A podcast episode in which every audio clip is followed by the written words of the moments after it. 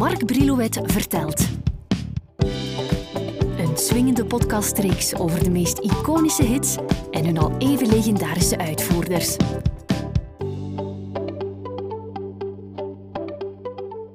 Hoe vaak ik intussen in mijn podcastreeks ben blijven stilstaan bij instrumentale muziek, ja, dat heb ik niet bijgehouden. Dat zal niet zo vaak zijn, want voor instrumentale hits moet je sowieso terug naar de vorige eeuw. Toen was het nog schering en inslag dat een orkest of een of andere gitaargroep in de hitlijsten opdook. Mij schieten dan namen als Percy Faith, de Sputniks, Ekkebilk, The Shadows, Los Tabajaros en ja, ga zo maar door. Uh, die schieten me dan door het hoofd. Ik was bijna de Britse groep The Tornadoes vergeten. Aanvankelijk een studiogroep die als een soort one-hit wonder in 62 plots de hitlijsten indook, om er nadien nooit meer terug in op te duiken. Nu ga ik die hit niet zomaar laten passeren. Ik kruip even terug in de huid van leraar, want in een vorig leven heb ik nog voor de klas gestaan. Dus dat verhaal van Telstar uit de doeken doen past me als gegoten. De eerste maanlanding in 69 mag dan de hele wereld in spanning hebben gehouden. Ik weet nog goed dat ik als kind het wauw vond toen de 10 juli 62 de Verenigde Staten de eerste communicatiesatelliet lanceerde, Telstar One. Het was de firma American Telephone and Telegraph die de satelliet ontworpen had. Het toestel woog amper 77 kilo en had een doormeter van precies geteld 87,6 centimeter. Met een Thor Delta-raket werd het gelanceerd vanop Cape Canaveral. Per omwenteling was 20 minuten contact mogelijk tussen Noord-Amerika en Europa. Om de signalen door te sturen werden drie grondstations gebruikt. De 10 juli had al het eerste telefoongesprek plaats en dat tussen technicus Fred Keppel in het grondstation in Eindhoven en de toenmalige Amerikaanse vicepresident Lyndon B. Johnson vanuit het Witte Huis in Washington, D.C. Telstar One was eerder een experiment. Alvorens bemande raketten te lanceren, wilden de Amerikanen ongekende problemen, waarmee ze in de ruimte zouden kunnen af te rekenen krijgen, aftasten. De 7 mei 63 werd Telstar 2 gelanceerd in een veel hogere maan om op die manier aan de schadelijke stralingen te ontsnappen. Telstar 1 had immers zoveel te lijden gehad van die stralingen dat het merendeel van de transistoren na vier maanden al niet goed meer functioneerde. Na zeven maanden werd het experiment als verloren beschouwd.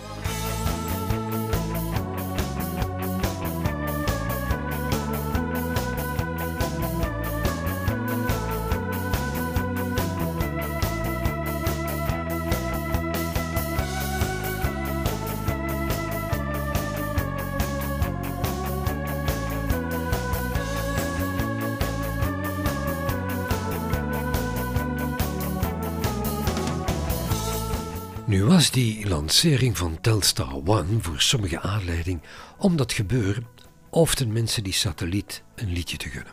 De knotsgekke Britse producer Joe Meek was crazy genoeg om zo'n idee uit te werken. Hij produceerde niet alleen de single Telstar, maar schreef tevens de melodie. Mag ik die man eerst even bij jou inleiden? Tijdens zijn legerdienst was Joe radartechnicus geweest en die dingen bleven hem boeien. Na zijn legerdienst kwam hij aan de kost als technicus bij de IBS-studios in Londen en nadien bij de Lansdowne Studios, waar hij die studio volledig naar zijn hand zette. Met de royalties van enkele liedjes die hij had geschreven, onder meer voor Tommy Steele, startte hij zijn eigen platenfirma Triumph en scoorde een eerste hit met een cover van Angela Jones, gezongen door de Britse zanger Michael Cox.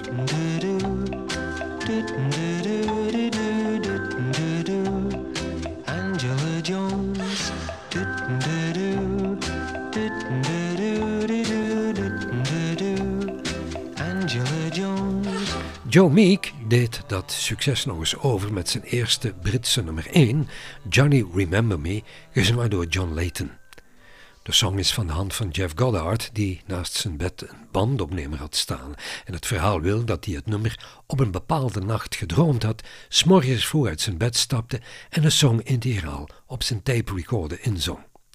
Critici hoorden dadelijk een gelijkenis met Ghost Riders in the Sky. Op zoek naar een geschikte zanger kwam Joe Meek bij John Layton terecht, een jongen die drama had gestudeerd en die al in een aantal films te zien was. Manager Robert Stickwood had John opgemerkt en hem aan Joe Meek voorgesteld. Layton nam Johnny Remember Me op en zong het tijdens de populaire tv-show Harper's West One. Aanvankelijk reageerde niemand op het liedje. Een song die gaat over een geliefde die er niet meer is, a death disc zoals men dat uh, toen noemde, viel ook niet in de smaak van de BBC die dan maar besloot de single te bannen. Ondanks die boycott stond John in de maand augustus van 61 op 1 in de Britse top 40.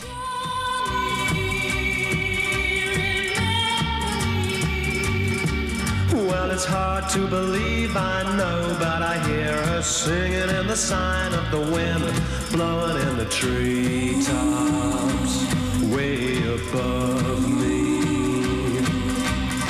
Een goede maand na de monsterscore met Johnny Remember Me pakte Joe Meek uit met een nieuwe hit.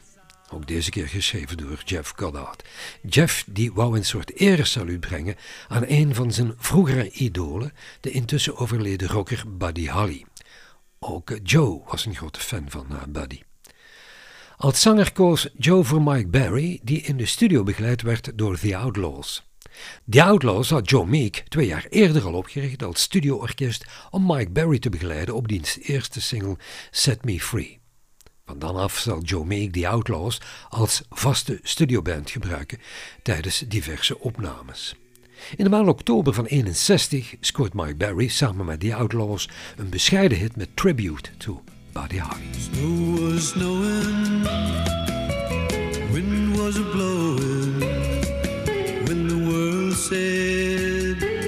Goodbye buddy. Still I that up in heaven is where we'll hear him sing again. Op zekere dag kwam Clem Catini zich tijdens een auditie aanmelden als drummer voor The Outlaws, maar Joe Meek die had andere plannen met hem. Joe was namelijk bezig met een groep die tegelijk ook wat weerwerk zou bieden tegen het grote succes van de in die tijd razend populaire Shadows. Gitarist Alan Caddy was intussen ook al geselecteerd, evenals de Duitse zanger Heinz, die in die tijd in Southampton woonde en die bassist van de nieuwe groep werd. En dan had je ook nog ritmegitarist George Bellamy en organist Roger Laverne.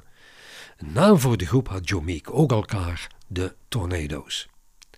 Die Tornadoes werden in eerste instantie ingezet als begeleidingsgroep van een van de betere Britse rockers van dat moment, Billy Fury.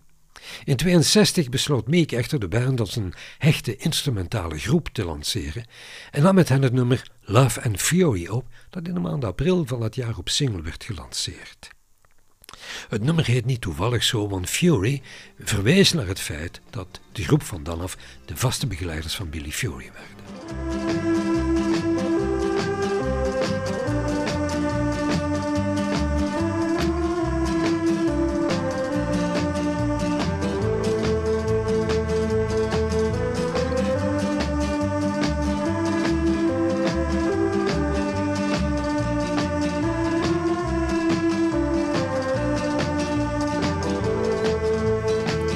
Intussen had Meek in het noorden van Londen zijn eigen studio Caledonian Road opgericht. Als tweede single lanceert Meek het door hemzelf geschreven Telstar. Er was net als zoveel in de ban van de lancering van die Amerikaanse satelliet. Meek was eigenlijk eerst van plan als tweede single voor de Tornado The Breeze and Die uit te brengen, maar kwam aan de weet dat de Fantones het ook op single hadden uitgebracht. Jody kon zelf geen instrument hanteren en wilde inspelen op het gebeuren van het moment. Meteen na een optreden van Billy Fury in Yarmouth werden de Tornado's in eiltempo naar Londen verkast om daar tijdens het weekend Telstar van een definitieve versie te voorzien. Meteen na die opname moesten de Tornado's weer terug naar Yarmouth om daar hun tournee met Billy voor te zetten. Aanvankelijk noemde Joe zijn compositie Theme of Telstar, maar dat vonden ze bij Decca die de song zou verdelen, geen goed idee en dus werd de single als Telstar gelanceerd.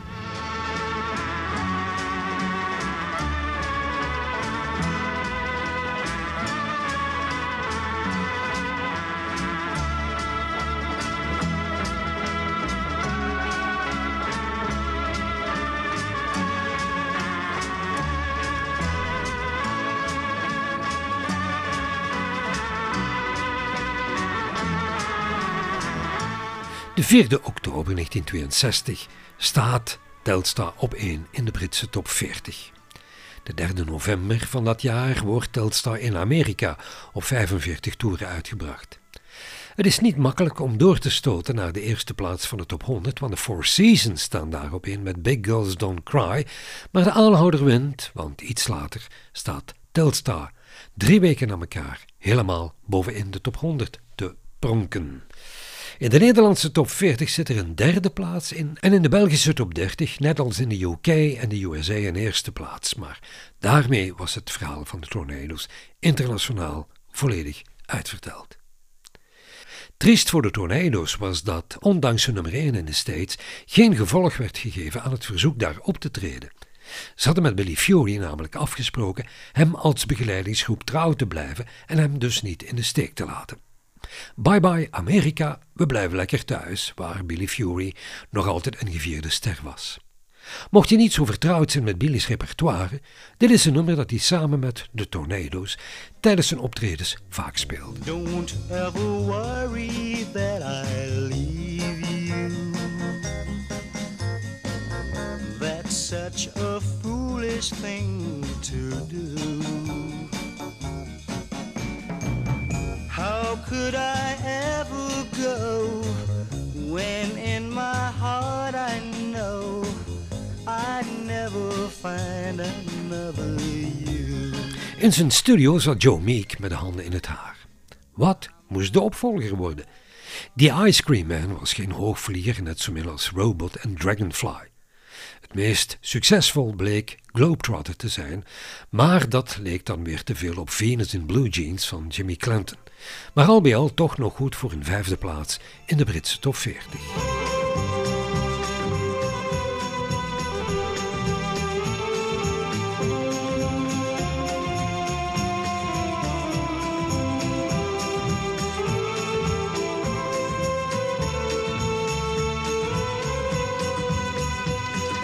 Na enkele jaren bleef er van de originele line-up van de groep niemand meer over.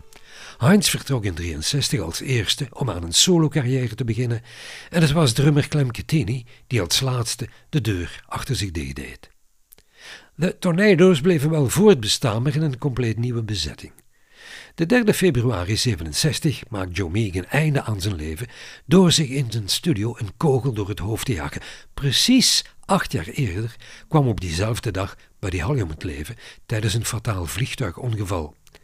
Vrienden van Meek eh, meenden dat Joe, die zich erg depressief voelde door dat gebeuren, zich behoorlijk liet uh, beïnvloeden. De tornado's die besluiten dan maar de boeken dicht te doen. Toch zullen de originele leden, met uitzondering van Clem Kettini, in 1974 een remake lanceren van hun grootste hit Telstar, maar zonder respons. Een revival was uiteindelijk maar een kort leven beschoren.